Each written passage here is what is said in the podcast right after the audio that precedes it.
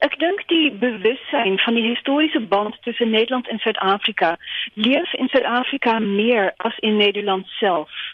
In ons geskiedenisboeke het ons nooit gelees oor Jan van Riebeeck nie. En as 'n Nederlander dink aan die koloniale verlede, dan dink hulle in die eerste plek aan Nederlands-Indië, aan Indonesië en aan Suriname en die Nederlandse Antille. So die bewussyn is baie minder sterk in Nederland. En net handvol historici en literatuurliefhebbers zal rechtig daarvan weet. En voor een groot van die Afrikaanstaligen was hier die historische band natuurlijk ook een problematische band. Maar en ik wil dan ook niet die band romantiseren. Nie.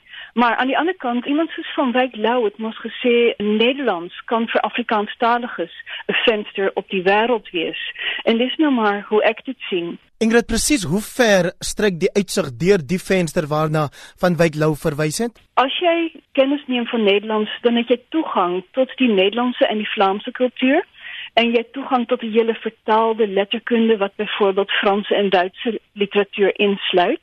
So dan gaan 'n hele wêreld oop as jy Nederlands gaan lees of as jy Nederland toe kom om te studeer.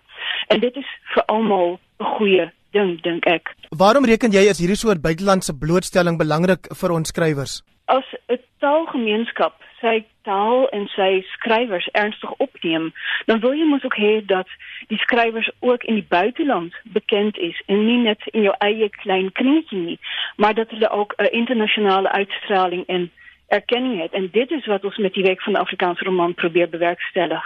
Wie is dan van die skrywers of dramaturge wat aan vanjaar se week sal deelneem? Uh die skrywers wat deelneem is uh Willem Anker, Andries Besuidenhout, Ingrid Winterbach, Rudy van Rensburg, Amy Jefta en uh Susie Machola en Karim Brits van die Afrikaanse Soweto projek. En uit Nederland self? En uit Nederland en Vlaanderen natuurlijk ook.